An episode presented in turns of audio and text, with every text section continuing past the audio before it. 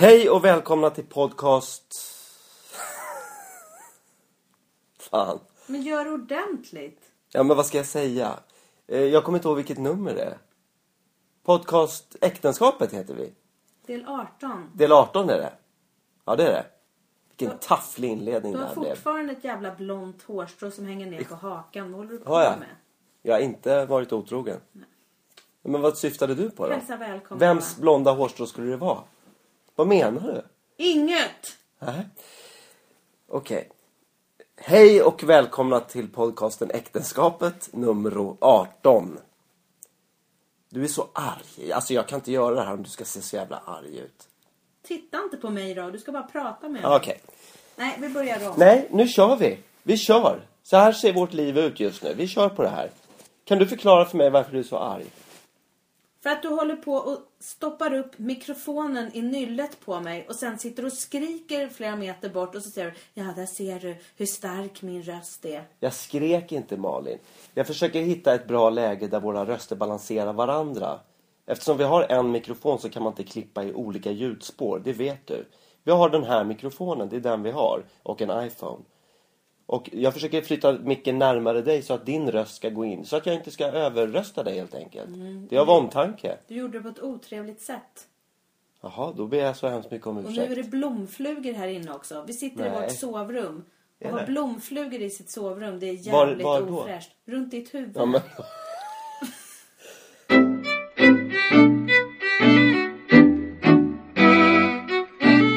Inskolningar. Hur menar du? Vår eh, dotter har ju börjat på en ny skolbyggnad i alla fall. Ja, ja. Jo men det var ju mycket nytt, nya lärare och sådär. Men vet du vad? Vet du vad jag tänkte på Nej. inför det här med inskolningen? Att eh, de la ut då såna här eh, introduktionsbrev eller ett, ett mejl liksom. Så fick man en länk och på hemsidan så var det en länk till den nya skolan och välkommen och Ja, sådär. just det. Ja. Lärarna hade lagt ut en peppfilm. Ja. Och den var så... Alltså på, på ett sätt så kan man ju tycka att ja, men det är jättegulligt och de vill göra så här spralligt och kulturellt liksom och lite tokroligt och crazy sådär. Eh, men grejen var att de flesta lärare var väldigt unga.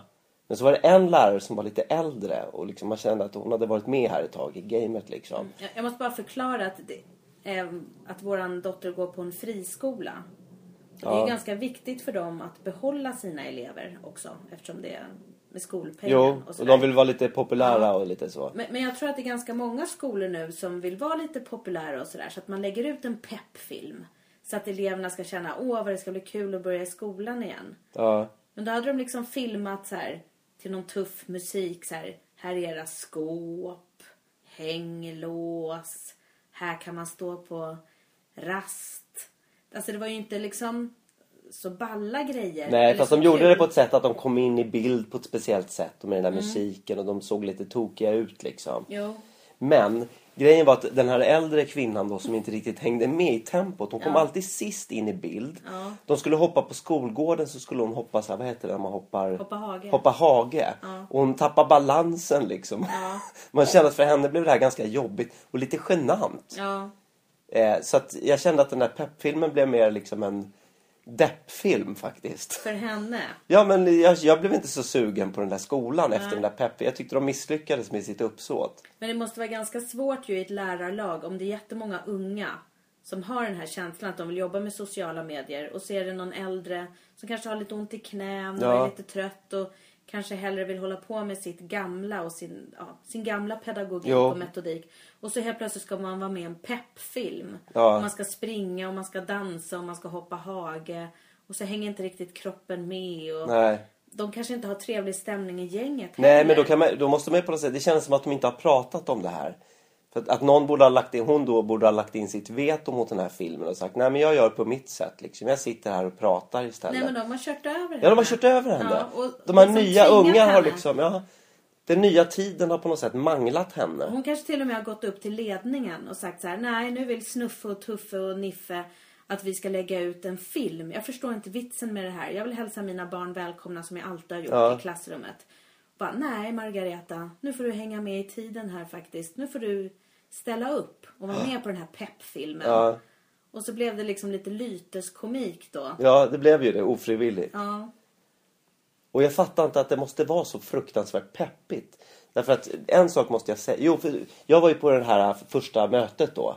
På den här nya skolan. Där alla lärare presenterade sig och rektorn pratade och sådär. Och då var det så här, då, då använde de ord som så här. Tjena, det är jag som är engelska läraren. Jag är en rätt cool snubbe. Ja. Jag gill- gillar fräck musik och har lite lattjo på fritiden. Jag är en rätt cool snubbe och när ni går med mig kommer ni ha jävligt roligt. Asfett kan jag säga. Och för, jag menar, många garvar och tycker att det är charmigt och sådär men för mig blir det lite... Eh, jag, börjar, jag börjar ifrågasätta deras kompetens då faktiskt. Jag tycker inte de är särskilt trovärdiga. Jag vet ju, har ingen aning om vem den där fräsiga snubben är. Nej. Och jag har ingen aning om vad våran dotter läser i engelska heller. Det Nej. har varit lite lösryckt då och då. Någonting. Och sen kanske han är super och de har lärt sig jättemycket. Men man blir lite... Blir, känner du att du blir eh, konservativ? Ja, jag blir fruktansvärt konservativ. Men skulle du känna mer så här förtroende om det hade stått en tant med fotriktiga skor, beigea nylonstrumpbyxor, en rutig eh, filtkjol och lite pentat eh, kort hår och ett litet svagt läppstift? i en neutral grå nyans. Nej men alltså jag har inte, det, det har inte så mycket med hur de ser ut att göra utan det är mer presentationen, alltså vad de, vad de vill förmedla. För här, här, här Ja, det är jag som är Margareta, vän av tvål och vatten. Nu börjar vi. Liksom. Nej, men man, man förstår ju att de har lagt ner väldigt mycket möda på den här nya profilen de ska ha.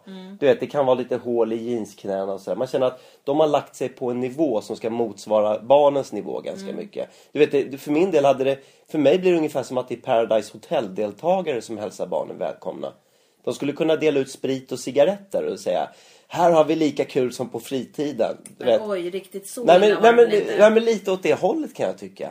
Att man går, man, man, det är lite som när barn, när jag såg mina, mina väldigt mycket mindre halvsyskon eh, konfirmera sig. Mm. Och så var man i kyrkan och så tog prästen upp en mobiltelefon och skulle ringa Jesus och sånt där. Mm. För mig blir det liksom Svenska kyrkans desperata försök att värva medlemmar. Mm. Och jag kan tycka någonstans att det är jättebra att man är modern och lever med sin samtid och för in liksom sociala medier på skolan och allt sånt där va. Och använder det kanske i undervisningen och så.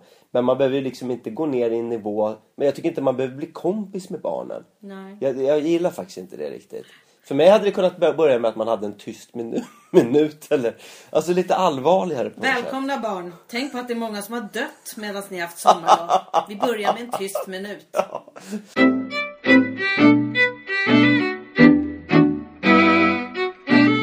Men jag jobbar ju också på en skola och vi startar ju varje höst, varje läsår med att bjuda eleverna på en show. Vi På en bjud- chock trodde jag du skulle Ja, säga. det blir ju en chock Ja. för en del. För då träffas alla eleverna ute på skolgården och så bjuder vi dem på tre, fyra låtar där alla i personalen är med på något Ja. sätt. Och antingen är man med och spelar musiken eller så dansar man eller så sjunger man. Eller Ja. så kanske man har byggt scenografi eller rekvisita som man kommer in med på olika sätt.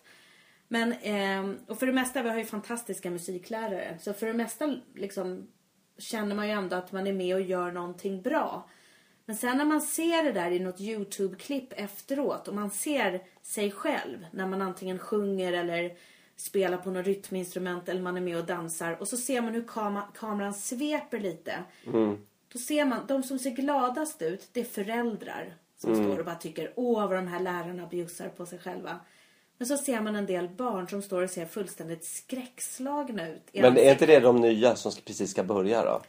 Jag Eller? vet inte. Det kan också vara de som har gått ett tag och som bara nej, vad gör hon? Nej men. Fast jag håller inte med om det. Jag har ju varit på några såna här. Ja. Och jag tycker faktiskt att, ja okej nu är jag ju förälder så jag kan ju inte prata för barnen. Men jag tror att för dem är det en grej. Dels att det är en tradition man Mm. gör varje år. Men ni är ju jävligt bjussiga faktiskt. Ni har ju lagt ner väldigt mycket reptid på att lära er de här låtarna. Mm. Ni har skrivit egna texter till låtarna. Och, och liksom koreo- gjort koreografier och ni bjussar väldigt mycket på er själva. Och så har ni pyntat den här scenen och liksom. Mm. Ja, Jag, tycker, jag tycker bara ni är bjussiga. Och vi gör det ju för att vi vill att eleverna ska känna att vi bjuder dem på något. För att sen ska ju de själva bjuda Ja. på sig själva i shower. Ja, Men jag tänker, vi sitter ju och dissar en annan skolas peppfilm. Och Jo. så tycker du ändå att våra shower är Ja bra. fast de gör inte, jag tycker inte att de gör det på samma sätt. Nej. Jag tycker, inte, på, på, jag tycker inte att det finns samma tradition där på den skolan. Nej, Utan- nu kommer du tillbaka till det här traditionen. Ja men jag är jävla... Är jävla- jag är konservativ. Jag är väldigt konservativ. Ja. Jo men jag tycker att om man ser bakom att det här handlar om att bonda med föräldrarna bara liksom. Mm. Då, då är det en grej tycker jag. Att man, man känner att, eller att man försöker vinna elevernas hjärtan på ett billigt sätt liksom. Mm. Genom att just att man är fräsch och cool och asfet och sådär liksom. Men jag tycker inte ni gör det. Asfet. Asfett. Att det är asfett liksom. Att de kommer ha skitkul. Men, men det tycker inte, jag tycker inte ni gör det. Nej. Jag tycker det här är mer, ni har mer så här, det här är skolans liksom go och s- jag vet inte.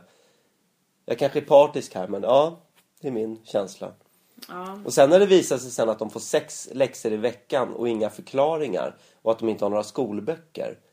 Och att de verkar, man undrar vad de lär sig liksom. Då, då, då blir det ännu mer ihåligt tycker jag. För då finns det ingen substans heller i det där utan då känns det bara som en där- snygg hemsida. Och det, det gör mig faktiskt förbannad. Det där tycker jag är så konstigt hur man år 2014, att det finns i vissa skolor då ett sånt glapp mellan vad man gör på lektionerna och vad eleverna sen får med sig hem och i läxa. Ja, För att eh, vi har ju ett barn då som sitter hemma med saker som hon inte har fått förklarat för sig på lektionerna. Nej, och så för- plötsligt kommer en, en stencil så står det så här Förklara skogshållning. Och man blir så här, vadå skogshållning? Vad har ni pratat om? Nej, vi har inte pratat om det här. Ja, men jag kan ju googla på det här, men hur mycket är det meningen att du ska ta reda på? Ska vi skriva fyra sidor eller två meningar? Ja. Eller den frustrationen. Ja. Alltså jag blir ju så arg. Ja. Då är du ändå lärare Ja. och har lite koll. Nej men det är hemskt. Jag tycker det är för jävligt. Och man ser också hur hon bryts ner i det här. Mm. Hur de får fruktansvärt dåligt självförtroende och tvivlar på sig själv och sin egen förmåga. Mm. Och tappar faktiskt all lust till kunskap. Det tycker jag är det värsta. Till slut blir det så här, måste man skaffa en study buddy som sitter här? Mm. Men inte ens en study buddy skulle ju förstå vad de är ute Nej. efter. För det är så luddiga formuleringar. Ja. Och sen även om jag själv jobbar i skolans värld och är lärare så är jag så trött på att eleverna själva ska ha koll på sin egen utveckling. Ja, Från att ja, de för går i sex års så ska de sitta och ha koll på sin egen utveckling. Och sen kommer man på olika utvecklingssamtal där de bara liksom sjunker längre och längre ner i stolen och bara "Nej, jag orkar inte lyssna. Nej men jag vill eh, spela fotboll eller jag vill dansa. Och så ska de sitta och bara, ja men vill du inte bli bättre på matte? Alltså det är så jäkla torftigt Ja. och tråkigt gjort. Och säkert är en del skolor som gör det jättebra och lustfyllt och att man kan utgå kanske från barnets egna intressen. Det här är jag bra på, det här vill jag lära mig mer om. Istället för att bara, "Hå, du var inte så bra på matte och du pratade högt och du gjorde bla bla bla." Alltså så negativt för så små barn. Ja. Nej, alltså om jag kunde så skulle jag önska att ingen av dem gick i skolan. Om man kunde välja det. Om man Skulle kunde... du sitta själv hemma här, en konservativ gammal filtkjol och bara... Nej, barn." nej, nej, men jag skulle vilja ha liksom, om det fanns andra vuxna med. Och så lärde man sig det, alltså alla kan ju någonting. Och så kunde man lära varandra olika saker, det man var bra på. Eh, jag skulle kunna... jag skulle kunna lära dem att måla till exempel. Men du hjärtat, Ja, det skulle bli inte. en väldigt bristfällig utbildning för Kanske det, barn. men är inte den här bristfällig då? Om alla går ut och är deprimerade och har dåligt självförtroende och hatar kunskap. Jo. Oavsett hur bra matte de nu har lärt sig räkna. Skitsamma, vad spelar det för roll? Mm. Kommer de ut som deprimerade och, och, och kuvade individer? Vad blir de för samhällsmedborgare? Och jag tycker det är De tappar ju allt förtroende för de vuxna och för auktoriteter och för liksom samhället. Jo, och så är de helt sönderstressade. Redan Ja. på mellanstadiet. Allt de ska hålla koll på själva och vara intresserade av. Och, eh, sina utvecklingskurvor och sina individuella utvecklingsplaner. Det är ju väldigt svårt att hitta ett här och nu och, och kreativitet när de vet hela tiden att det här ska ingå i min utvecklingsplan. Ja. Och jag, allt är mätbart. Det blir väldigt svårt att uppmana då, nå- någon då att våga testa sina vingar och kasta sig ut. Ja. Och det finns inga orsaks... Orsak, vad heter det? Orsakssammanhang, kan man säga det? Jag vet inte vad du menar. Nej, jag vet inte heller vad jag menar. Men det finns liksom ingen... De kan inte förankra det i sina liv. Det är det jag kan känna. Att för henne blir det bara en mängd konstiga frågor som hon ska ta ställning till för någon annans skull. Det har ingenting med hennes liv att göra liksom. Och det är det där som jag tycker är så bristfälligt här. Faktiskt. Och jag hoppas att det blir bättre på gymnasiet. Jag hoppas att, jag, att, det, att det är på en annan nivå då. Jag minns ju att jag gick till skolan med glädje. Ja, jag med. Kanske inte för lektionerna så mycket men för kompisar och liksom det fanns en så här... Jag tycker nästan inget av våra, våra barn längtar efter skolan. Men jag tycker också att jag lärde mig saker i skolan. Ja. Jag kan fortfarande komma ihåg vissa lektioner. Hur vi läste och hur vi lärde in vissa områden. Men var det att ni hade en väldigt bra lärare då eller var det att du var bara väldigt nyfiken eller? Det var säkert en kombination av både och. Men Ja. jag tyckte om att lära mig saker. Jag tyckte det var spännande och roligt. Och man visste, nu ska vi läsa om antiken. Då kändes ju det så här, åh vad kul. Det har jag hört talas om. Vad spännande det ska bli.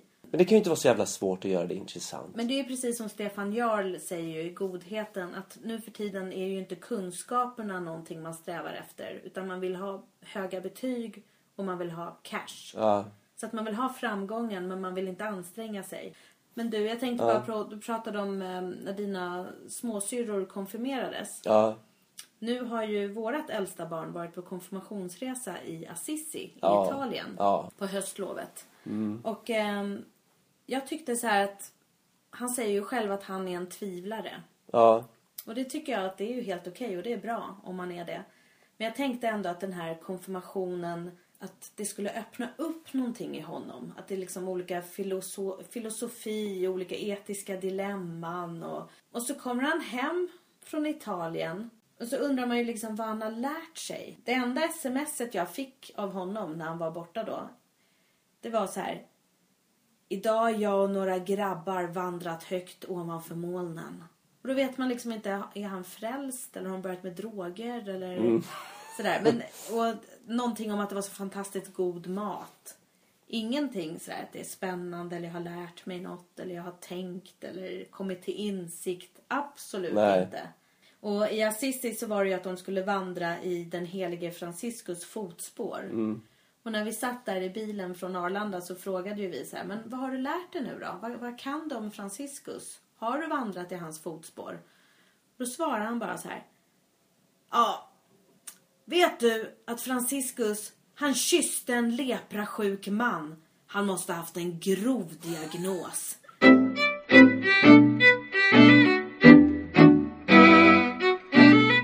Medan han var borta så passade ju vi på att måla hans rum. Ja, fy fan. Där måste jag säga att jag tyckte... Vi? Var det verkligen vi? Ja, jag hjälpte till Ja, du i hjälpte till fall. så gott du kunde. Men jag måste säga att jag tyckte att du uppträdde lite självsvåldigt faktiskt.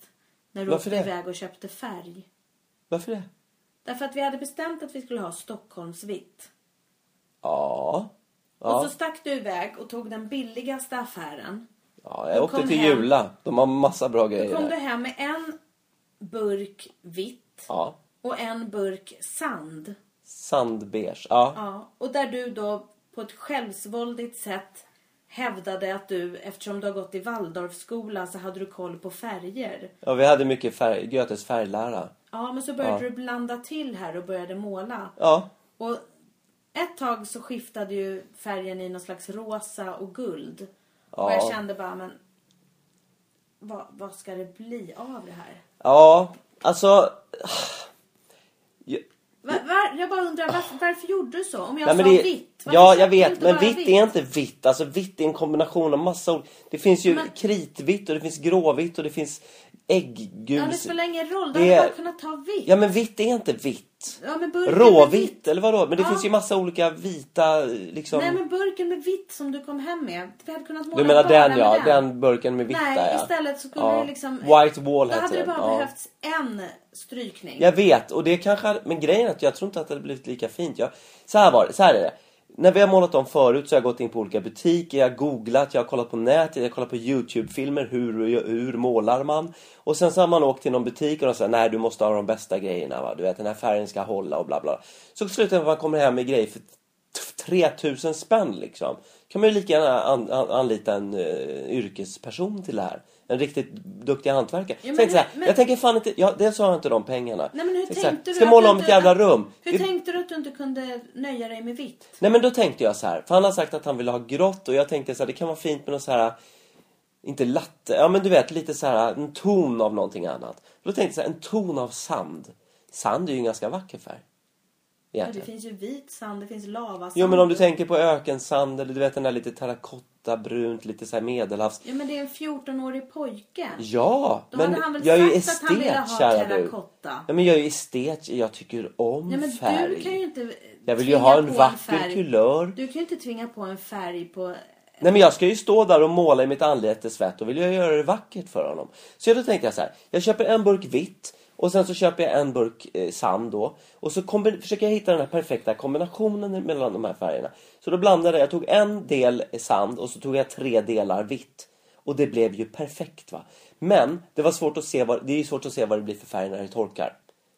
Det, kan, det är omöjligt att se när, man, när, den är blött, när det är blött. Så att jag, jag målade en strykning och då fanns det en fas i den här målningen där det blev rosa. Då blev jag lite orolig för jag tror inte att han skulle uppskatta ett rosa rum.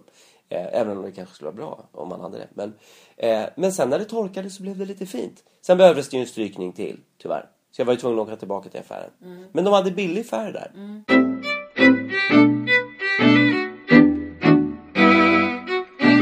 Vi hade ju ett gräl här häromdagen som, som jag tyckte det slutade ganska allvarligt faktiskt. Det kändes som att du... Efter det grälet så kändes det som att du hade kunnat begära skilsmässa faktiskt. Ja. Jag trodde du skulle göra det och jag visste inte riktigt hur jag skulle liksom... Jag visste inte riktigt hur jag skulle ta mig ur situationen för jag ville inte heller riktigt be om ursäkt för jag tycker, tycker inte att jag hade gjort något fel. Men det, det kom sig av att jag har ju pratat ganska länge. Jag har ju, jag har ju några gitarrer. Eh, och jag har ju pratat... Ja, jag har några gitarrer och- varav en köpte jag när jag var 15-16 år och var i Japan med min bror. Den har ett affektionsvärde. Men jag spelar också på de här gitarrerna. Sen har jag någon gitarr som jag köpt efter en uppsättning. Liksom som man kan koppla in till en förstärkare. Och så har jag en elgitarr som sonen inte vill ha. Och så har jag två till gitarrer då. En har jag hittat i ett soprum och en har jag fått från min syrra. Men som har fin klang. Men de, är, de har lite olika kvaliteter och jag behöver dem allihopa. Har du räknat med barnens gitarrer i det här? Eh. Var det här bara dina? De här fem gitarrerna var bara mina. Ja. Tror jag. Ja. Men jag tänker att de ska få dem sen. Ja. När de har vuxit i dem. De har ju, nu har de barngitarrer som de kan börja hålla på med. Men då tänker jag så här. De står och slår mot varandra. Varenda gång man ska skriva ut någonting på skrivaren så måste man flytta på dem. Så bara slam, smäll, klirr, det blir repor i dem. Nu Barnen bara, går nu förbi. vill jag bara förtydliga för lyssnarna att vi, nu pratar vi om din arbetshörna. Vi pratar om den här arbetshörnan som vi har pratat om i tidigare avsnitt. Ja. Arbetshörna ja. Ja, där Så- står alla de här gitarrerna. Där står gitarrerna, där står hela mitt företags alla Ja, pärmar. Och, nej. det. och där står även hantlar och Ja, vi behöver inte gå styrketräningsapparaturer. in på det mer. Men det okej. står en synt där också. Men En okej, synt och ja. ett mixställ. Ja, okej. Och lite men, annat. Ja, lite annat skit. Men, men hur som helst så de här gitarrerna tar skada av att stå där. De står för nära fönstret så det blir så drag, det blir drag på dem. I natt hörde jag att en sträng gick av. Jaha. Ja, för att de står så dragigt. Jag har aldrig märkt att det är dragigt där. Temperaturskillnaden där precis vid fönstret gör nu på vinter, när det börjar bli vinter, gör att det spricker va? Det spricker och knäpper och... Det drar väl inte där? En sträng gick, den går inte bara sådär. Nähä. Nej. Den kanske var gammal och- också i och för sig. Men Mm. jag vill i alla fall ha upp de här gitarrerna på väggen. Ja. Så att de ska ta mindre plats. Plötsligt basunerade du ut att du skulle ha fyra gitarrer Jag har pratat om det i väggen. flera, flera veckor. Och jag har sett till och med vilket ställ, vilken, vilken hängare det ska vara liksom. Det är en sån här gaffelkrok som man hänger dem i. De blir skyddade, de skrapar inte i väggen. Plus att man, när man får inspiration så är det bara plocka ner den och spela. Ja. Nu måste jag gräva fram, jag vill ha den gitarren, måste jag gräva fram bland de andra. De välter och blir skrapade och förstörs liksom. Hur som helst. Det tog hus i helvete när jag sa att jag ville gå och köpa den här grejen. Hus i helvete! Du blev fullkomligt bindgalen och bara sa tvärnej. Du sa tvärnej. Det fanns inga diskussioner. Tobias, nu ljuger du. Nej! Jag sa så här. Är det verkligen nödvändigt att ha fyra gitarrer på väggen? Då hade jag tagit bort den. Jag, jag räknade bort den. Jag kompromissade redan jag där. sa så här. Är det verkligen... För du sa, helt där jag har min farmors gamla tavla, jättefint. Där pekade du ut ett område som var ganska stort på väggen och så sa du, här ska jag ha fyra gitarrer på väggen. Ja. Och då sa jag, men vänta nu, det här är ju ändå ett vardagsrum. Skulle vi inte kunna göra så här att vi har gitarrerna i något snyggt ställ på golvet? Då blev du fullständigt tokig och skrek att hela vårt hem var saker som jag har skaffat och saker som jag har ärvt och saker som jag har bestämt och att du inte har någon identitet och att de där gitarrerna på väggen det är det enda som betyder någonting. Och, och jag sa så här, men räcker det inte om du har två gitarrer på väggen? Och så kan två stå nere på golvet. Det där kom jäkligt sent. Det kom mot slutet Nej, av det diskussionen. om. Jo, det enda du sa var nej. Nej, nej, Du började nej sa du. plötsligt gasta om att du inte ville spara en enda bok hemma. För Nej. där skulle du ha ett piano och gitarrer istället. Ja. Där våra bokhyllor står. Ja. Utan att någonsin ha sagt det. Nej men det som, det som jag tyckte blev så konstigt det var liksom att du vill ha massa saker som ingen annan... Men vänta ett tag, ursäkta. Nu börjar vi bråka igen. Var det Okej. inte så att du hade kommit till någon slags insikt om att du hade överreagerat? Jo, men jag märker ju att det sätter igång någonting i mig. Jag märker ju att det... Jag tror att... Jag, jag försökte analysera det här efteråt varför jag blev så liksom... Jag känner mig så jävla kränkt på något sätt. I min person. Jag tror att det är så här att... Vi har skaffat några gemensamma möbler, till exempel den här sängen i det här rummet. Men några IKEA-grejer. Ja men för skit, jo men nu vill jag berätta om det här. Det här kanske är viktigt för mig att få prata om. Du, du, har, du, har med dig, du, har stolar som du har fått från din farmor och farfar som läcker eh, halm för de är från 1780-talet. Ja, men jag har inte som vi råd att använder- renovera dem. Nej jag vet. Men de står och läcker halm som, som sprids i lägenheten och blir stora dammråttor. Du har en gustaviansk, eller vad fan det är, någon slags byrå där man inte kan öppna lådorna för de kärvar så mycket. Den är jättetrevlig och du har fått en låda där. Ja, jag du har vet. stoppat ner en mungiga och ett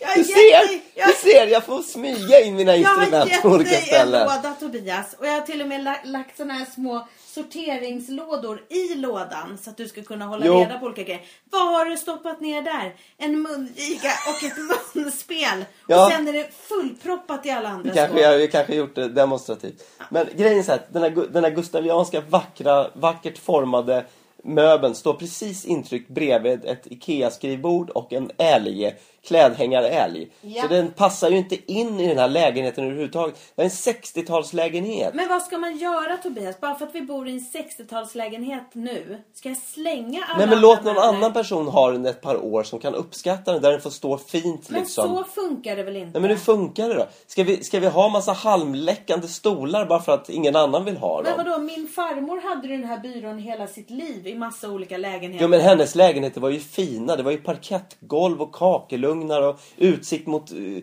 Kungs Ladugårdsgärdet liksom. Men vadå, Vad menar du att nu bara för att vi bor i ett miljonprogram i en... Ja, i Det gör vi inte riktigt. Ja. Ja. Men Nej men jag, jag menar bara så, det jag försöker komma... vad ska jag ha istället då att lägga grejer i? Det är väl trevligt med en möbel? Jo, men det jag, vill, det jag försöker säga det är att de flesta möbler har vi fått från din familj. Och jag har inte sagt nej, den här får inte komma in i, i mitt bo eller i vårt hem. Det har jag aldrig sagt utan ja visst, självklart ska den stå precis där bredvid mina grejer så att jag inte kan öppna min, min garderob. Absolut kan den stå där. Jag menar bara så här, du har tagit hit en jävla massa möbler som är ganska funktionsodugliga i vårt vardagsliv, i vårt vardagliga liv. Vi har massa böcker som du vill ha. För Men du, Tobias, men tyst, nej, nej, måste jag bara fråga nej dig. varför ska du avbryta Vad mig? finns det för möbel som är duglig i dina ögon? Den här sängen sover vi varje natt. Den känner jag, den fyller sin Ja, funktion. men om du tittar dig omkring här nu. Du har högar med block, kuvert, mappar. Ja, men det är saker jag använder. Ja, men vad, Ja. vad menar du? Vad är det som är funktionsdugligt för dig då? Jag, jag menar så här, att i vårt vardagsrum till exempel så har vi en, en TV. Jag, jag menar bara så här. Eh, Alltså du kommer ju ingen jo, vart. nu, okej, nu ska jag, får jag prata till punkt då för helvete? Nej, nu bokar jag in Nej. dig på familjeterapi. Får jag, prata i, får jag prata till punkt nu? Du får gå själv i familjeterapi. Får jag prata till punkt? Ja, men det, kan jag få prata till punkt för helvete? Ta bort den där pennan.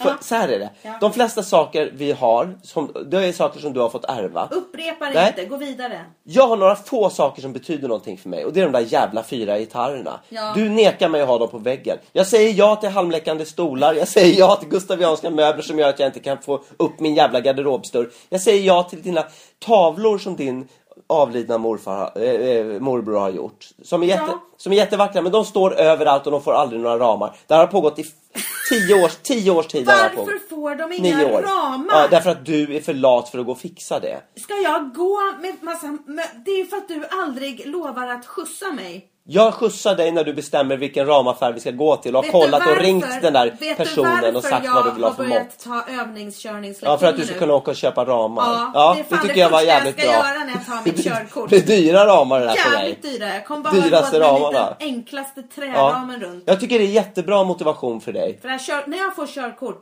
oj oj oj vad det kommer hända grejer i vårt Jag hem då. hoppas det. Jag Jag, kommer åka till det. tippen med dina gitarrer.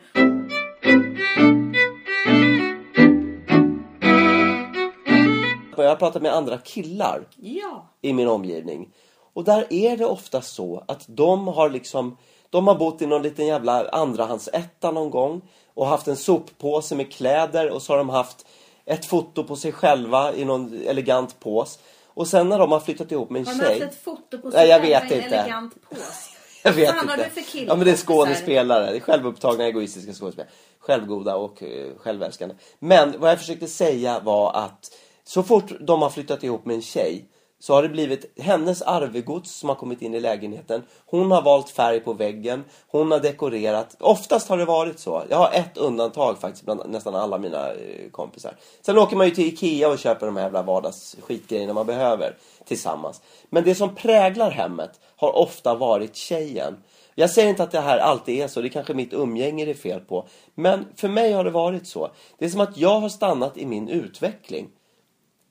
Jag har gitarren från när jag är 16 år. Det som betydde någonting för mig då, det betyder fortfarande någonting för mig nu. Det här säger någonting om mig tror jag. Och kanske flera med mig. Men det är väl därför du sparar allting? Dagböcker, kärleksbrev, Ja. allting Ja. sparar du och åker runt med. Ja, det är det jag har. Det, det kanske är liksom två lådor med saker och så är det mina gitarrer. Men vem är du utan de här sakerna? Eh, Jag vet inte riktigt.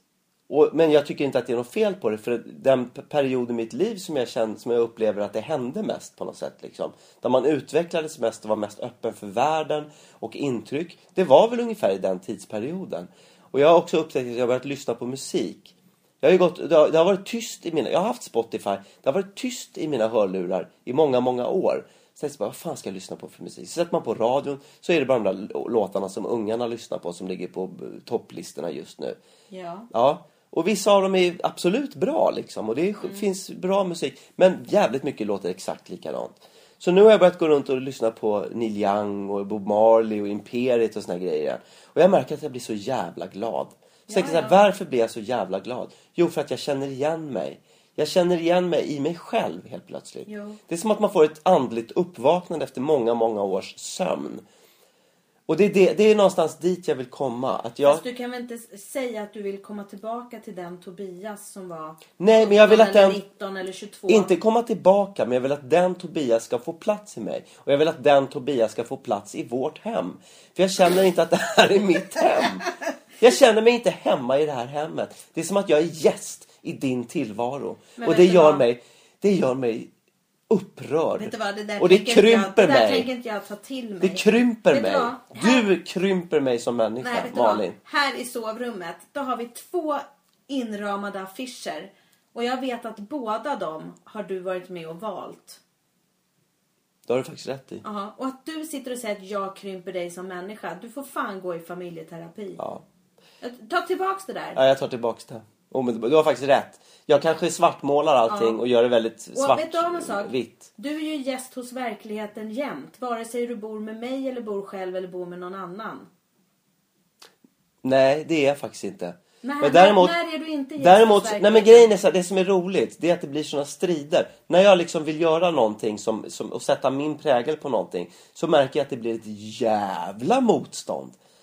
Det blir ett otroligt motstånd från dig. Och då kan man ju förstå varför det är så svårt för mig att sätta min prägel på vårt gemensamma liv. Nej, men vänta nu. Jag håller inte riktigt med om Jag det har gjort andra För vi saker. har testat dina idéer flera gånger. I vardagsrummet hade vi ett tag en bokhylla som skar av hela rummet. Därför att du hade fått för dig att det var jättebra att dela av ett rum.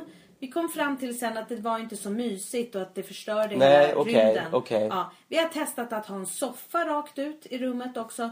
Vi har testat olika Jo, saker Tobias. Men det är väl inte att testa en soffa mitt i rummet. Det är väl inte att jag ska sätta min prägel. Om jag ska sätta min prägel då handlar det kanske om att ha fyra gitarrer på väggen. Eller ett litet piano som står någonstans. Du vill ha fyra bokhyllor proppade med böcker. För att du vill liksom ha någon identitet av en bokmal. Men du läser aldrig böckerna. Nej, jag vill går- inte ha en identitet. Men vad är det då? Varför kan vi inte göra oss av med de där jävla bokhyllorna om vi aldrig går i dem? Jo, men det kan vi göra några. Men jag tycker också att hem utan böcker är så jävla fattigt. Ja men det kan jag hålla med om. Och jag Men, tycker att barnen ska liksom se vad finns det för litteratur i hemmet. Vad har man att välja på? men jag tycker ett hem utan fyra gitarrer på väggen är ett fattigt hem. Kan vi göra så här att om du gör av med hälften av böckerna så kan jag få sätta upp några gitarrer? Jag sa faktiskt att vi kunde ta bort en bokhylla. Då skulle du kunna ha två gitarrer på golvet på den ytan. Inte på golvet, jag vill ha dem på väggen! Då har vi För precis helvete! målat om ett rum. Ja men jag vill ha dem på väggen! Ja men du förstör ju Nej, väggarna. för att det är ett avstånd mellan den där lilla Du står gaffelhaken och, och väggen. borrar och liksom dammet yr. En skitsnygg bräda där man kan skriva du och Home Sweet Home Och sen på. åker du och köper färg i fel nyans. Men vad är det det här med väggen, att jag inte får ha gitarrerna på väggen? Därför att du ska borra och du ska förstöra. Jag sätter på en jättefin bräda. Jag kan olja in den i, i något vackert. Men snälla, tala om för mig. Vem mer har fyra gitarrer på väggen? De flesta musiker har fyra gitarrer Men på du är väggen. inte musiker. Nej, men jag kanske vill vara musiker då. Ja men vet du kanske vad? har en dröm om att få vara musiker Ja då. men vet du vad? Jag kanske jättegärna vill vara en maratonlöpare. Skaffa ett par skor då, Men säger jag. fan ska jag börja hänga upp ett par jävla gympabrallor på väggen? Men för fan inte samma sak. Jo det är det. Då kan du få hänga upp en tavla på en svettig eh, maratonlöpare uppe i, i berget med en solnedgång. får du gärna göra. Om du kan hämta Vad är inspiration det från där för det. romantiserad bild? Men vad då ska du hänga upp ett par gympadojor på väggen som du springer med som är Anders alldeles leriga? Gärderuds gamla shorts som han vann Ja, om du i. tycker det är fint så kan vi rama in dem. Så kan du skaffa körkort och så åker vi till en ramaffär så ramar du in Anders Gärderuds gamla shorts. Ja. Absolut om det ger dig. Jag säger ja till dig Malin. du jag vad? säger ja till dig men du säger nej till mig. Nej jag säger ja till dig men kanske inte till fyra gitarrer Okej? på rad. Till två gitarrer på väggen. Ja. Ja. Och två gitarrer på Shake golvet. hands. Ja. Good. Mm, Jag höll i kors. Nej. Nej men okej. Ja, Bra, då är vi överens. Ja. Det här är offentligt nu. du får fan gå i familjeterapi.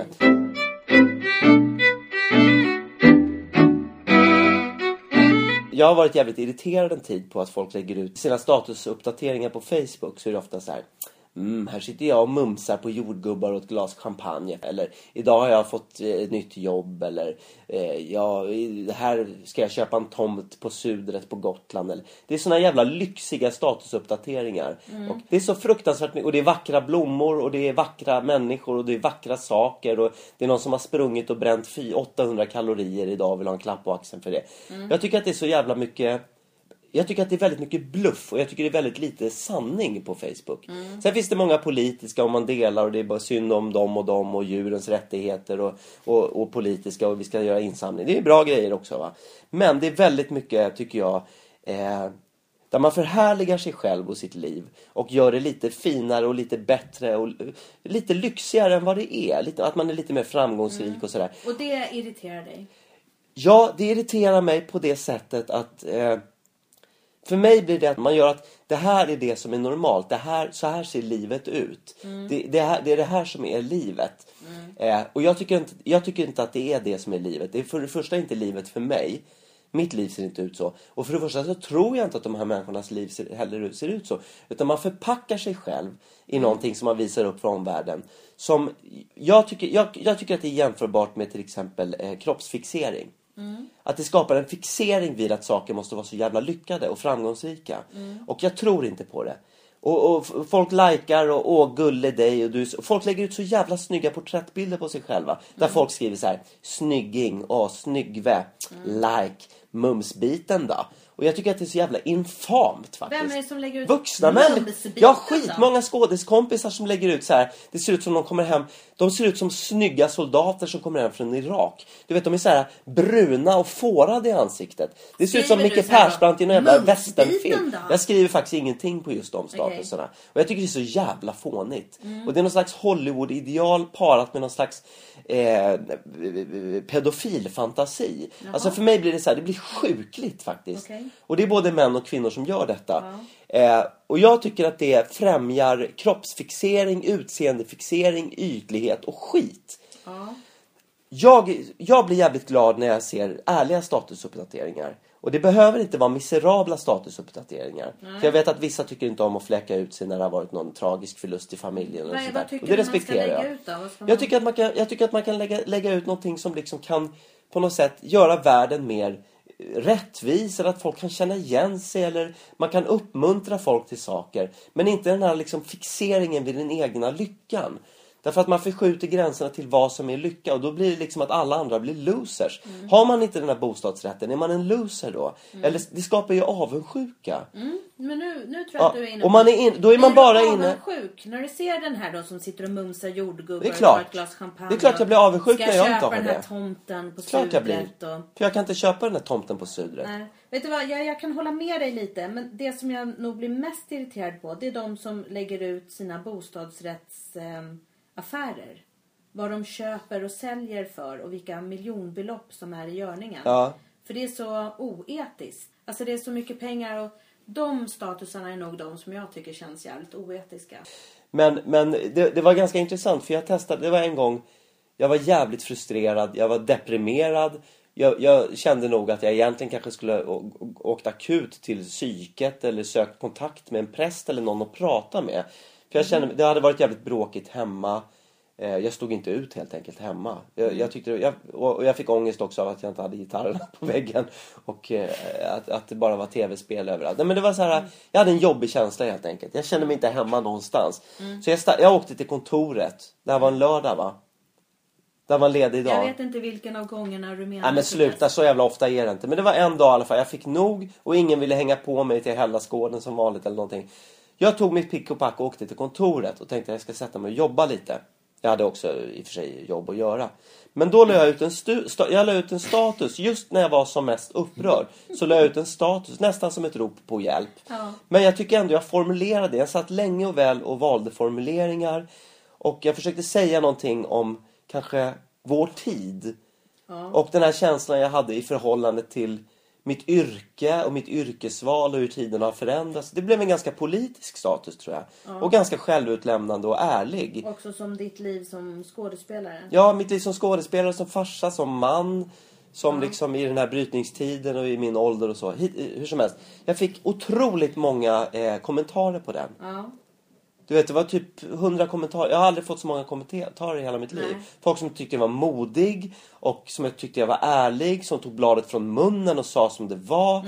Både i branschen och andra som kände igen sig. Barnfamiljer och frustrerade män. Liksom. En jävla massa eh, människor som reagerade på det här. Eh, och då blev jag på något sätt... Då, då kände jag så här, ja men det här är inte privat. Det här kanske är personligt men det är inte privat. För det, här, det finns en igenkänning i det här. Och jag tror att människor behöver det. Vi behöver det i vår tid. För det är jävligt många som har det tufft och jobbigt just nu. Det är det. Det är inte bara krigsoffer i andra delar av världen. I Sverige liksom. Vi lever i ett, tycker jag, mentalt andligt armod. Och folk ger upp liksom. Och folk stressar ihjäl Folk stressar sig och det är cash som räknas och man ska göra Hollywoodkarriär och man ska vara snygg och man ska springa sju maraton liksom. Det finns, medmänskligheten håller på att ta slut, solidariteten håller på att ta slut. Det, jag tycker det är så jävla mycket som är deppigt och skit va. Men jag blev väldigt glad över de här. Men bland många av de här kommentarerna så var det också några som ville hjälpa mig. Ja. Så jag fick till exempel en kommentar av en psykolog som erbjöd mig terapi. Ja. Eller hon, hon erbjöd oss terapi, gruppterapi, till ett reducerat pris. Jag sa att jag skulle återkomma när jag hade övertalat min fru. Eh, Det har jag inte riktigt lyckats med än känner jag. Jag tycker du kan gå. Ja, jag, jag vet det. Och sen fick jag också ett erbjudande från en jobbcoach Ja. som jobbar på Arbetsförmedlingen. S- Som också ville, frågade om jag ville komma in på ett samtal. Men vi hade en väldigt intressant diskussion om hur man kan förändra villkoren för skådespelare. Och hon skulle ringa mig nästa gång det skulle vara någon grej. Liksom. Gick du till jobbcoachen? Nej, men vi pratade i två timmar på telefon Ah, och hade ett jättebra samtal. Där jag berättade om, om skådespelares yrkessituation. Och hon, är ju, hon har ju själv varit regissör och sådär. Hon vet ju hur det är liksom. Men eh, det var intressant i alla fall. Sen Det skrev hade ju kunnat bli ett debattinlägg i en tidning om du hade filat lite mer på det. Absolut, men, det, men jag menar jag tänker nog fortsätta på den linjen liksom. Ja. Så det ska nog bli någonting av det här. Jag, tänk, jag håller på att skriva en monolog som handlar om det här. Ja. Som jag tror kan ha ett allmänintresse. Och andra sidan av det där då var ju att jag stannade hemma med barnen den där lördagen och såg på Facebook att du satt och skrev statusar. istället för att jobba med ditt ja, manus. Ja. Nej men jag, vadå? Jag skrev statusen och sen satt jag med och jobbade med mitt manus. Ja. Jag fick det gjort, jag klarade deadlinen och sådär. Men sen så, typ någon vecka senare så skrev jag en status att jag var väldigt sugen på att läsa statusar som handlar om folk som har förlorat jobbet, folk som har blivit av med en lägenhet och folk som har bränt vid sin middag. Ja. Och det var ju lite överdrivet kanske, men det var mer som en bild av att jag skulle vilja läsa någonting som handlar om eh, svårigheter. Ja. Inte bara eh, allt som är lyckat och gött gött. Det är som att se en film utan konflikt. Det är inte så intressant liksom. Nej. Eh, och då fick det blev en jävla storm med folk som tycker, är du deppig eller? Varför ska man fläka ur sig om, om saker som är svåra? Liksom, det, blev, det blev väldigt, jag tog bort den kommentaren så här, för jag kände så här, jag orkar inte hamna i någon slags försvar nu liksom. Jag måste gå in i det här, jag pallade inte det liksom. Eh, men jag märkte bara att jag blev nästan, jag kände mig lite hatad nästan, att jag hade stuckit ut hakan. Och då kände jag att det här är ett jävla tabu. Det här är ett tabuområde. Kan du inte skriva exakt likadant en gång till och lägga ut? och se hur det tas emot. Det kanske var en dålig dag för den där statusen. Vadå, och se om jag får några som håller med mig? Ja, för den första som kommenterar kanske påverkar resten av Ja, så kan det vara. Om det är någon som bara Bra Tobias, ärligt. Och så hakar alla andra Titta på. här min vidbrända blodpudding. Jag är ute efter någon slags ärlighet. Mm. Där man faktiskt ska se varandra och liksom, det behöver inte vara en dagboksjournal men det kan vara, ja men det kan vara lite att man kan faktiskt känna igen sig och liksom, ja, lite så. Mm. Jag tänker så här, nu för tiden så vill man ju inte begränsa någon på grund av dens kön eller etnicitet eller sexuella läggning utan vi försöker ju vara normkritiska i Sverige idag. Ja, Men, och jag gillar inte att generalisera och så, så här. Ja men ni tjejer, ni gillar ju rosa eller Nej. ni grabbar. Men en sak som jag undrar väldigt mycket över. Det är när man går på toaletten. Jag, jag tänker så här att en tjej sitter ner och kissar. Och skulle det mot förmodan helt plötsligt komma kiss utanför så tror jag att en tjej bara säger men gud herregud vad hände? Så skulle man torka upp så här och göra snyggt hur skulle sig. kunna komma kiss uppåt? Ja, det är det jag inte vet. Men om man kanske sitter Har det hänt? Nej, jag vet, det kan ju säkert hända. Jag vet inte om man har... Det är om man ligger på Nej, toastolen. men om man kanske har en väldigt, ett bäcken som lutar framåt eller uppåt. Man kanske får en... Ett fjong- urinrör som sitter i Ja, en naveln. fjongkissrolle. Jag vet Ja, inte. nej, okej. bara, Ja, det är intressant. bara en hypotetisk Ja. fråga. Om en tjej skulle råka Ja. pissa utanför. Då tror jag att den tjejen skulle torka upp. Men när man är på kaféer och sådär och man delar toalett med män.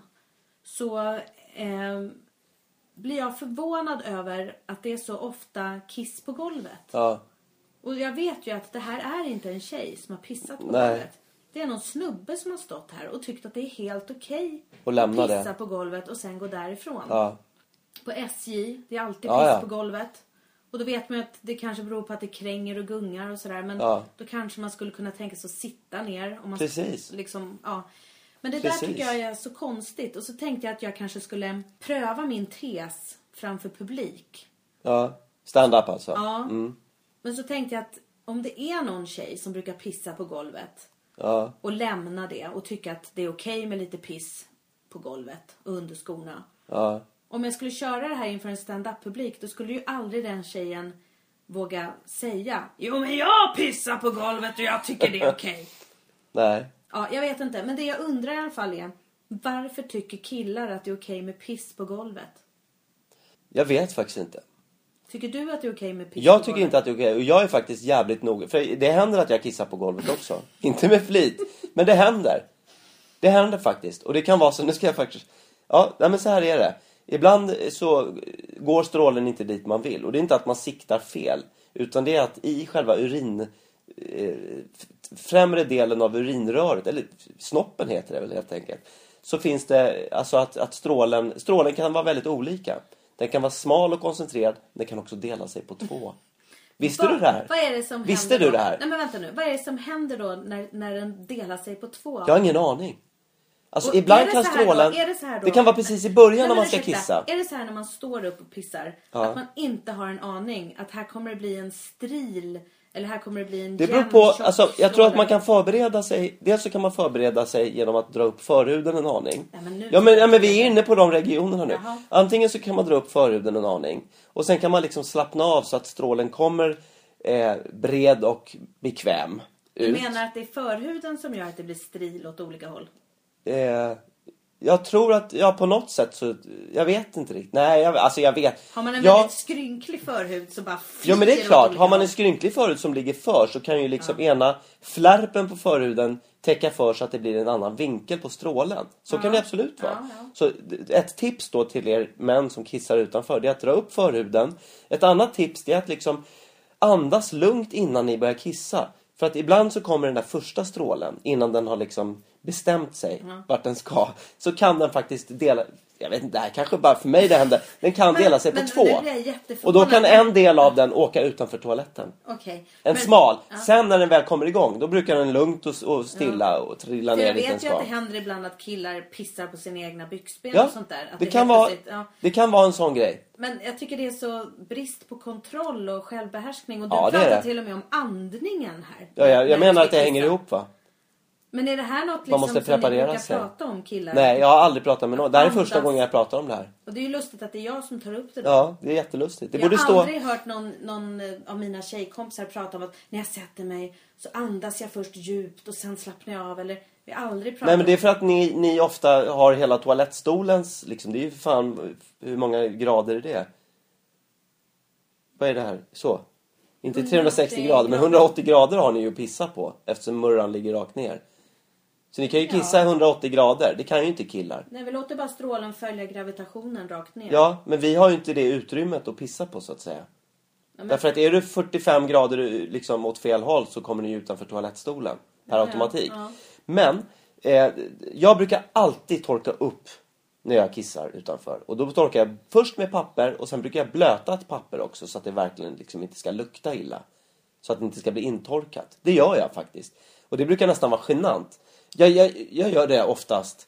Eh, Vad är det som är genant? Gör du det här inför folk? Nej, eller? men jag tycker att det kan vara lite pinsamt om någon kommer efter och ser att man har torkat att det fortfarande är blöta. Det ser ut som att en städare har varit där. Förstår du? Då, då tror man ju att jag är någon som gillar att torka upp andras kiss och att jag får en kick av det. Förstår du? Då blir man ju en jävla suspekt person va? Kissmannen. Kissmannen. Ja. Men däremot så tycker jag att man borde införa en lag på att män ska sitta ner och kissa. Men hur ska man se till att den följs? Ingen aning, men om man vill ha fräscht, om man inte vill ha kiss varje gång man på, går på SJs toaletter eller offentliga toaletter. Ja. Nu när man går på offentliga toaletter så räknar man ju med att man ska bada i kiss och toalettpapper. Ja, och gamla tamponger kan det, alltså sånt kan det ju vara mycket. Folk som, ja, jag har varit med om blodfläckar på toalettsitsen. Ja, Jag tror inte det är någon man som har kissat blod där. Det är jävligt äckligt Ja, också. det är också äckligt. Men, så att, och det är ju få undantag såklart. Men, eh, nej, men varför, kan inte, varför kan man inte införa en regel att män ska sitta ner och kissa? Så blir det lika behagligt för alla. Men- Eller men är de rädda för skinkkontakten då med Ja, men det kan stolen? ju kanske vara det. Och, eh, det tror jag att en del tjejer är rädda för också. Därför att ibland, nu ska jag motsäga min egen tes. Men ibland så vet jag att det är tjejer som ställer sig på eh, toalettsitsen. På alla fyra? Eller? Nej. de ställer sig Som en groda. med skorna i huk alltså. Ja, det är lite ofräscht. Så har de gått i hundbajs innan liksom. Ja, ja, det kanske de har. Jag vet Ja, inte Tobias nej. om de har gjort det. Ja. Eh, men det som händer är ju då att när strålen delar på sig, Ja. sådär som vi har pratat om. Så kommer strålen både på skorna, på sitsen, ut på golvet. Alltså det blir en riktig jävla Det blir ju spridning. dubbeläckligt kan man säga. Ja, och sen går tjejerna därifrån.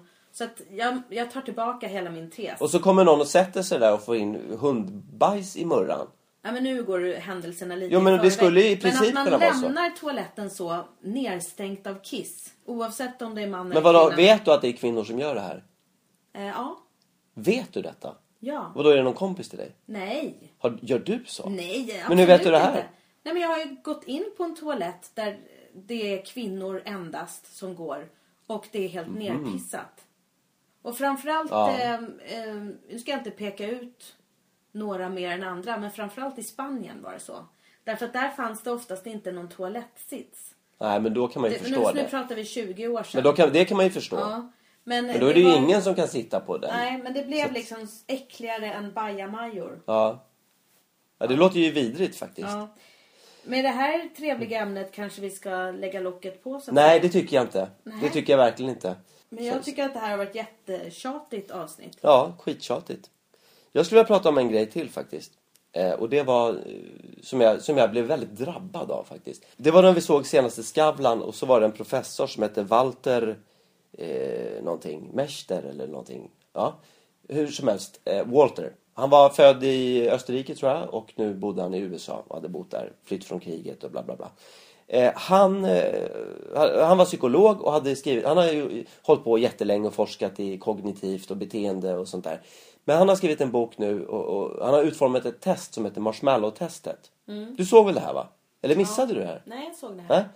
Eh, Först trodde jag att han menade det där testet när man ska stoppa in en marshmallow i kinden, så många man kan. Jaha. Nej, fast det var en helt Det var nog en annan Ja, person. det behövde man inte gå någon doktorsutbildning Nej, för nej, det kan jag tänka mig. Det här är nog något på en annan nivå. Men han, han hade i alla fall utformat ett test där man ska ge ett barn... Man ska sätta en marshmallow framför ett barn och så ska man säga så här. Du kan antingen äta den här nu eller så kan du vänta i, jag tror det var 10 minuter eller någonting. Vänta en stund så kan du få två. Och då kan man alltså skilja på de här olika barnens karaktär. Den som tar mar- marshmallowsen direkt eller den som faktiskt inser att den kommer få bättre om den väntar. Ett- Det är ett slags uthållighetstest kan man säga. Men man kan också se på de här barnen vilka det är som kommer att få en viss framgång i livet. Alltså de som kan kontrollera sina begär och inte tänka på och inte vara så impulsstyrda helt enkelt. Utan de som faktiskt kan vara lite kalla, låta känslorna göra avkall för att de vet att de, det kommer löna sig i slutändan. Och då beskrev han då, alltså det, fanns, det finns ju jättemycket att säga om det här och det är inte svart eller vitt eller så. För det handlar väl om att kunna planera. Det handlar om att kunna planera och tänka strategiskt hur man ska få ut liksom mesta möjliga. Men det här gäller ju inte bara marshmallows utan det här gäller ju hela livet. Och folk som bara går på känslor och impulser och inte kan vänta och inte kan vara uthålliga. De kommer ju hela tiden bara liksom styras av sina drifter och känslor och impulser. Ja. Och man kommer inte kunna göra saker på sikt då som man vill uppnå. Mål som man sätter upp då. Utan det blir på väldigt kort sikt varje gång. Och då, då hade han en, någon slags teori, han hade flera teorier. Men en var ju då att många av de här barnen som inte kunde styra sig, sina känslor, sin kontroll helt enkelt, självbehärskning. De, eh, ofta så kunde det vara folk som har till exempel växt upp, växt upp i väldigt kaotiska och otrygga hem. Som kunde fungera på det sättet. Inte nödvändigtvis, men det kunde hänga ihop. Och då började jag tänka så här, men jag är ju det där barnet som skulle ta en marshmallow direkt. Och sen bli jättebesviken på att inte den andra kom. Eh, och så började jag fundera över det här och jag, jag är ju som fortfarande. Att jag vill ha snabb belöning. Jag kan inte styra mina impulser. Jag har jättesvårt att tänka långsiktigt vad som kommer löna sig i slutändan. Jag har jättesvårt att jobba med ett projekt i ett år om jag inte ser den liksom omedelbara nyttan eller belöningen med det. Och det här ställer ju till ett jätteproblem för mig såklart. Därför att det blir väldigt svårt att nå framgång i någonting om man hela tiden kastar sig från det ena till det andra. Det, går, det är nästan omöjligt att göra. Om man inte är liksom eh, går på schack eller är ensamstående och kan liksom bara fördjupa sig så hårt så att man verkligen når det här målet liksom direkt. Men så hade jag, jag tog en, en eh, löprunda med vår dotter idag. Skitmysigt. Eh, och så började vi prata och sen så vi, vi löpte en stund och sen började vi gå för att det var trevligare att promenera och prata och det kändes som att båda behövde det. Men så började vi prata lite om det här och, och då sa hon så här, men du är ju en sån här person som du, du är en sån här person som skulle kunna passa in var, som- var som helst. Och jag, jaha, vad menar du med det? Nej men du är sådär, du kan, du kan snacka med vem som helst och du kan göra, du skulle kunna jobba med vad som helst och sådär. Jaha, men är, är det något positivt eller negativt då? Nej men jag tycker det är positivt, tyckte hon. Och det blev jag väldigt glad för. För jag ser ju hela tiden bara bristerna i det. Att jag aldrig kommer någon vart, jag blir aldrig chef på något företag, jag tjänar aldrig pengar, jag gör aldrig karriär inom ett område. Nej, det vill jag inte heller. Men det är klart att det skulle vara kul att nå framgång inom ett område. Men jag har ju så många områden där, som jag är och tallar på hela tiden. Och hon tyckte det var en fördel. För hon sa så här, ja men då, om du bara skulle ha ett jobb eller bara göra en grej, då skulle du tycka det var tråkigt. Tänk vad tråkigt det skulle vara. Så tänkte jag så här, men det, det har hon faktiskt rätt i. Jag skulle nog inte stå ut med det. Nej. Så, så, men det var lite skönt faktiskt att få den där att, ja men det, jag har spritt ut mig som en jävla solfjäder liksom. Eh, men, eh, och det händer inte, inte så jävla mycket liksom på något eller det händer lite här och där och så. Men det tar väldigt lång tid innan det, innan det liksom ger frukt så att säga. Nej, men det där uttrycket att ha många strängar på sin lyra. För det mesta brukar ju det vara något positivt. Men det kan faktiskt vara väldigt negativt att vara bra på många saker. Ja. För risken är att man inte blir väldigt bra på en sak utan att man blir lite halvdan på många saker. Ja, absolut så är det. Å andra sidan så kan man ju tycka att och det kanske då kommer tillbaka till det här vi pratar om vad som är normen och vad som är liksom det, det som är bra, det som räknas som bra, det som har status i vårt samhälle. Det är ju de här maratonlöparna, och dis, alltså de här långdistansarna. Och de som lägger ner hela sitt liv i ett företag liksom. Och styr det med järnhand och når framgång och blir liksom globala på marknaden och sånt där. Det är ju de som man på något sätt beundrar eller ser upp till. De som har skrivit hundra böcker och sånt där liksom. Bästsäljare. Men, men man, har, man har ju det där uttrycket renässansmänniska. Som var jättepopulärt då under renässansen. Men det står ju inte högt i kurs idag. Nej. Och då kan man ju undra, här, vad, vad är bäst egentligen? Någonstans är det väl bättre att man kan mycket om, alltså, kan, kan lite om ganska mycket. Än att man kan jättemycket om bara en grej. Nej, men Eller? jag är absolut för renässansmänniskan. Jag vill att skolan ska uppfostra renässansmänniskor. Ja, Jag vill att barnen ska få utveckla alla sina intelligenser och testa allting och bli hela människor och sen kan man fördjupa sig när man har fått prova på allting. ja, Plus att hjärnan utvecklas ju bättre om man får testa på alla olika sätt. ja. Det borde vara bra liksom. Ja, Och då tänker jag så här att, men det där barnet som käkar den där marshmallowsen direkt. Det kanske inte är något fel på den ungen. nej. Jag tror såna där eh, undersökningar eller liksom såna där forskningsrapporter kan vara väldigt ensidiga. För det kanske också finns något bra med den där ungen som käkar marshmallowsen på en gång. Därför att om tio minuter kanske jorden har sprängts. Då gick man miste om Precis. en marshmallow. Ja. Men om man passade på just nu innan kriget kom eller innan det blev jordbävning så fick man den. Ja. Så det kan vara faktiskt för och nackdelar. Sitter man och planerar sitt liv för mycket så kanske det händer något på vägen och så blir det ingenting. Nej. Och frågan är om den här andra marshmallowsen är lika god. Om man väntar i tio minuter. Och käkar två. Och blir övermätt och lite äcklad av marshmallows. egentligen tycker jag att marshmallows är ett dåligt exempel. För jag tycker att eh, det som jag ser bland unga människor idag är att de har jättesvårt att bita i det sura äpplet. Som jag fick göra när jag var liten. Alltså att man visste, nu behöver jag sitta och plugga en stund därför att det är prov snart och jag behöver kunna det här. Men många barn idag vet inte hur man måste stå ut med att anstränga sig och ha lite tråkigt för att klara det där provet. Nej, men då är du inne på andra, alltså den som kan vänta på sin andra Ja. och få två marshmallows. Ja. Och det är en bra, då kanske det är bra att träna Ja. på det. Även för de som eh, inte uppskattar den andra marshmallowsen. och jag tror att de flesta kan lära sig att vänta på Marshmallows 2. Ja. Eller att förstå att man måste anstränga sig för att klara ett prov. Men, men om man ska dra någon slags slutsats av det här. Eh, Mm. Så kanske det är så här då att jag då som är den här omedelbara första marshmallows-människan. Jag kanske borde träna i att vänta Ja. på nummer två. Och du kan börja redan idag och låta bli att äta upp barnens godis.